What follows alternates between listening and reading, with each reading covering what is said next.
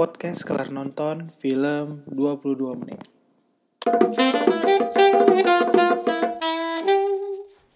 Jadi film 22 menit ini menceritakan tentang uh, aksi, aksi kejadian nyata, inspirasinya dari kejadian nyata yaitu tragedi bom Tamrin tahun 2016 uh, yang waktu itu cukup heboh di uh, ada beberapa ada bom kemudian ada baku tembaknya juga gitu. Jadi sangat uh, heboh hari itu Januari 2016 kemudian jadi di sini diceritakan uh, ya di, kisah dibalik uh, apa kisah dibalik uh, tragedi itu. Mulai dari cerita si polisinya cerita uh, korbannya cerita apa lagi cerita terorisnya. Uh, jadi uh, ceritanya storylinenya sepanjang itu sekitar itu. Nah hal yang tertarik yang membuat gue tertarik nonton film 22 menit ini adalah ceritanya itu tadi sebenarnya. Gue nggak trailernya gue nonton teman biasa aja. Gue liat karakter karakternya pemain pemainnya aktor biasa aja. Cuman ceritanya uh, menurut gue menarik dan uh, pengen gue pribadi sebenarnya pengen lihat gitu kejadian bukan pengen lihat ya tapi pengen tahu lebih banyak tentang kejadian itu sendiri karena gue pribadi nggak nggak terlalu ngikutin waktu itu uh, tentang tragedi Tamrin ini. Secara umum menurut gue filmnya oke. Okay. Mari kita mulai dari hal-hal positifnya. Uh, pertama ceritanya itu menarik dan dibungkus dan disajikan benar-benar menarik menurut gue. Kita dibawa serasa ada di TKP menyaksikan langsung kejadian tragedi Tamrin. Bahkan seakan-akan tuh kita benar-benar ada di tengah-tengah uh, tragedi itu gitu. Kita benar-benar menyaksikan langsung setiap apa yang terjadi di uh, tragedi Tamrin. Kemudian uh, juga gambarnya shoot-shoot gambarnya menurut gue juga oke okay banget. Uh, pas terus cara uh, disajikannya seperti misalnya ada bukan flashback ya apa? Ya kan di kejadiannya jam 10.40 nah ada beberapa kali flashback menuju jam 10.40 itu yang menceritakan kisah-kisah uh, si orang-orangnya yang ada dalam situ. Dan itu menurut gue caranya menarik sekali. Dan yang juga buat gue amazed adalah uh, efek-efek dan make up uh, efek-efek ledakan bomnya, efek-efek korban, ekap korban, kemudian juga uh, apa lagi ya, uh, ya efek-efek tembakan dan segala macam. Menurut gue keren banget, uh, ledakannya keren banget, bener-bener gak disangka buat gue. Terus juga terutama ledakan pertamanya keren banget menurut gue uh, dan ini membuat semua hal yang tadi itu membuat ini film sangat realistis. Sangat realistis.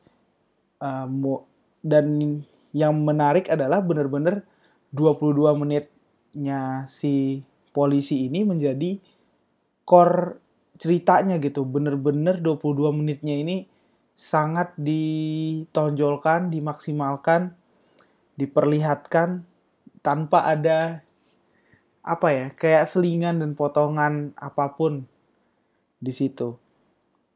Dah menurut gue nggak sia-sia uh, film ini menutup Tamrin sampai 4 minggu mungkin dicaci maki orang Jakarta bikin macam dan segala macam cuman hasilnya menurut gue sih sangat memuaskan dan yang juga baik sangat baik di sini adalah gue merasakan campur tangan Polri kayaknya gede banget di sini nih mulai dari mungkin senjatanya, mulai dari uh, seragam, mulai dari terus juga uh, apa semacam kayak ada training buat aktornya yang jadi memberikan suasana kepolisian tuh terasa banget.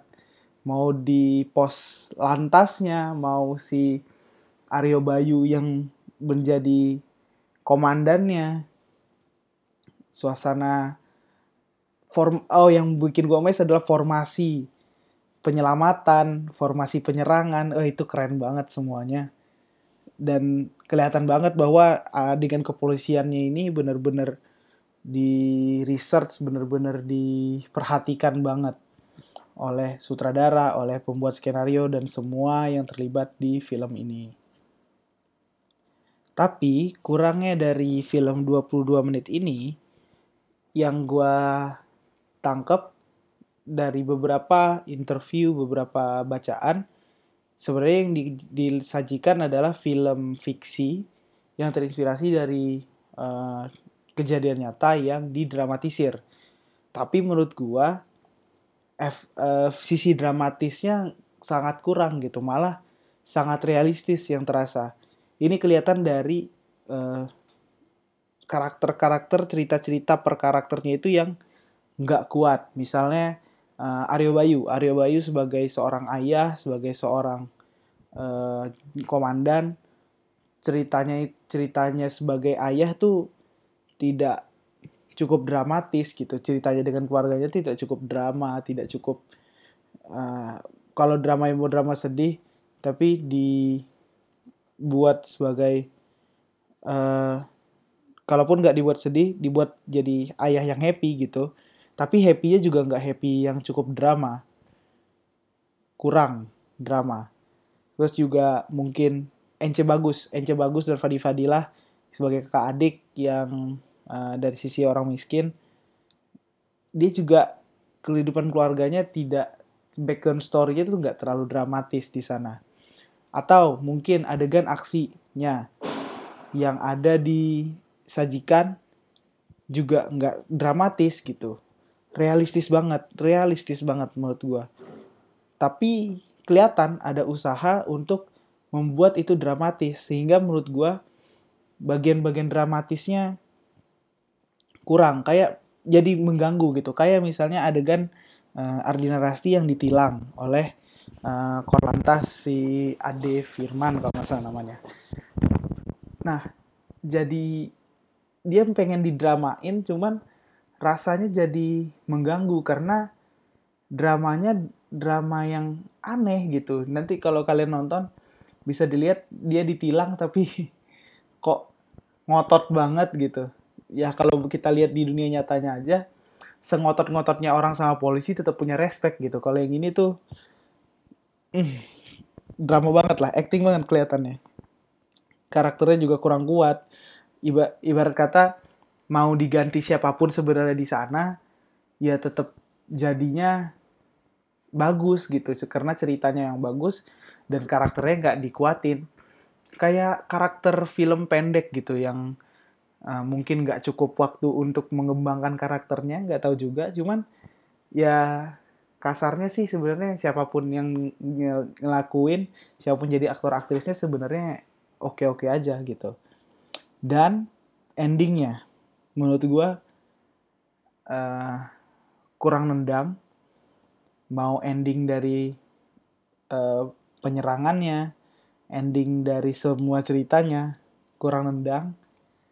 Karena ya kurang nendang aja sih sebenarnya karena nggak mau uh, spoiler agak. Jadi yang penting rasanya kurang nendang gitu. Dan kayaknya ceritanya filmnya sangat pendek ya kayaknya nggak nyampe satu setengah jam juga bahkan. Mungkin sebenarnya kalau dimaksimalkan satu setengah jam bisa dikembangkan karakternya dan endingnya dibuat lebih menarik gitu. Berbicara tentang scene stealer menurut gua scene stealernya nggak ada. Itu tadi karena karakternya mungkin gak kuat. Karena Uh, bahkan sebenarnya Aryo Bayu sendiri yang ditonjolkan sebagai uh, aktor utamanya ter dia menonjol jadi aktor utama karena memang dia doang yang disorot gitu. Yang lain nggak terlalu disorot jadi ya kurang gitu. Tapi sebenarnya Aryo Bayu sendiri pun nggak terlalu nendang menurut gue dan tidak ada scene stealer lain mau di sisi komedi. Mungkin tadinya mau dibuat uh, Pak Tito Karnavian Kapolri kita juga ada di dalam film yang mengambil peran komedinya tapi menurut gue sih komedinya juga nggak terlalu dapat banget gitu jadi tidak jadi scene stealer juga jadi scene stealernya sih menurut gue tidak ada Jadi kesimpulannya, filmnya oke, ceritanya oke, menarik sekali. Cuman mungkin karakternya kurang, aktornya kurang.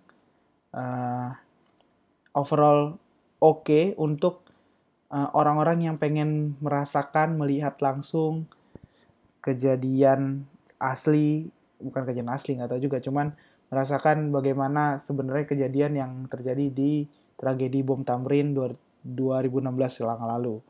Dan rating dari gua film ini layak untuk dapat nilai 7 dari 10. So, good, keren, tidak sia-sia menutup Tamrin setelah selama 4 minggu di kutuk-kutuk Jakarta mungkin tidak ada yang sia-sia.